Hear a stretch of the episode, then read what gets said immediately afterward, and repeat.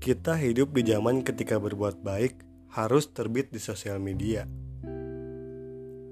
Seolah teknologi adalah harga mati dan keviralan sebuah keharusan.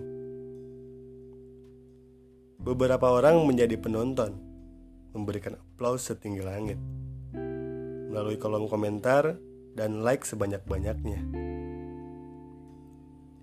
Memang tidak semua.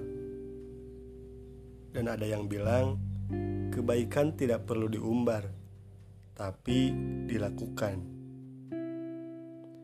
Memang gak ada masalah jika kebaikan dijadikan energi positif. Yang jelas, kebaikan harus selalu diberikan dan dilakukan. Saya Sarwaditya